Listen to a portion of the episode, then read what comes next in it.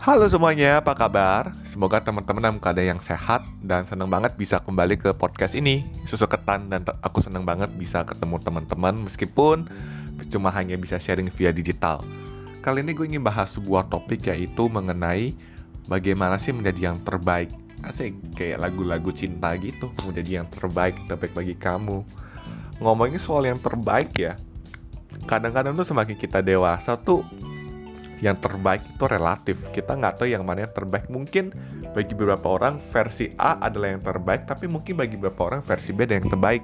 Karena orang beda-beda begitu. Tapi yang pasti yang gua tahu kalau kita mau jadi yang terbaik kita harus punya konsistensi yang terbaik di bidangnya. Dan menjadi yang terbaik artinya membutuhkan pengorbanan. Pengorbanan apa Kev? Mungkin pengorbanan waktu. Lo harus mengerjakan segala sesuatu. Satu hal mungkin secara konsisten agar lo dikenal atau lo juga harus mengorbankan harus lo bisa melakukan hal-hal lain tapi lo memilih untuk melakukan satu hal itu secara konsisten. Dan gue yakin semakin fokus semakin cepat kita bisa menjadi yang terbaik. Emang gak gampang kayak kesannya lebay tetapi gue yakin dalam hidup tuh kita nggak bisa menang di semua hal. Kita butuh orang lain kita butuh kolaborasi. Nah gue pengen bagiin tiga hal. Kira-kira gimana sih cara menjadi orang yang berhasil? Kalau nanya gue apakah gue udah berhasil? Tentu aja belum gue belum berhasil. Tapi um, ada beberapa hal yang gue cukup bangga lah ya dengan achievement di hidup gue. Entah teman-teman bisa lihat lah di sosial media gue juga.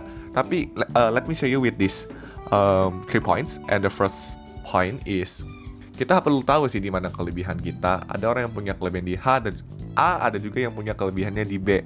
Semakin kita tahu kelebihan kita, kita kan nggak perlu mengulangi kesalahan yang nggak perlu sebenarnya kan kita tahu kelebihan kita di mana dan mungkin kita bisa outsource uh, pekerjaan yang menurut kita kita nggak terambil ke orang lain sehingga tingkat keberhasilannya tinggi.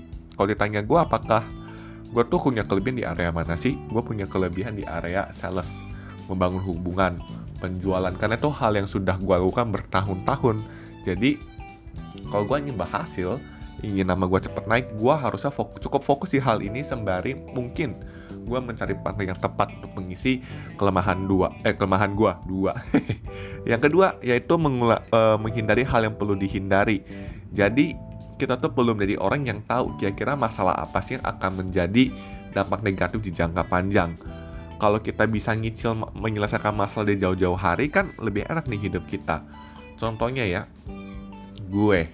Gue tahun ini tuh lagi ngurusin pajak. Gue tau kalau gue nggak bangun sistem yang baik bahaya nih ke depannya. Gue akan jadi orang yang teledor dan uh, mungkin akan jadi masalah yang besar. Jadi gue hindari seperti apa ya? Gue belajar pajak gue hire konsultan pajak belajar lagi dan belajar membagi sistem keuangan yang ada. Karena kalau mengelola hal yang kecil aja nggak bisa bagaimana mengelola hal yang besar? Dan yang ketiga poin terakhir yaitu kita perlu tahu apa sih yang membuat kita ketagihan untuk mengerjakan segala sesuatu uh, bukannya cari panggung tapi gue merasa gue punya kemampuan mempengaruhi orang lain. Jadi kalau teman-teman sosmed gue agak aktif sekarang kalau dulu enggak. Dan gue berketetapan hati untuk gue pengen coba konsisten di sini. Dan gue tahu ketika orang ketemu gue biasanya jadi semangat. Kenapa gue nggak tularkan semangat itu lewat media sosial?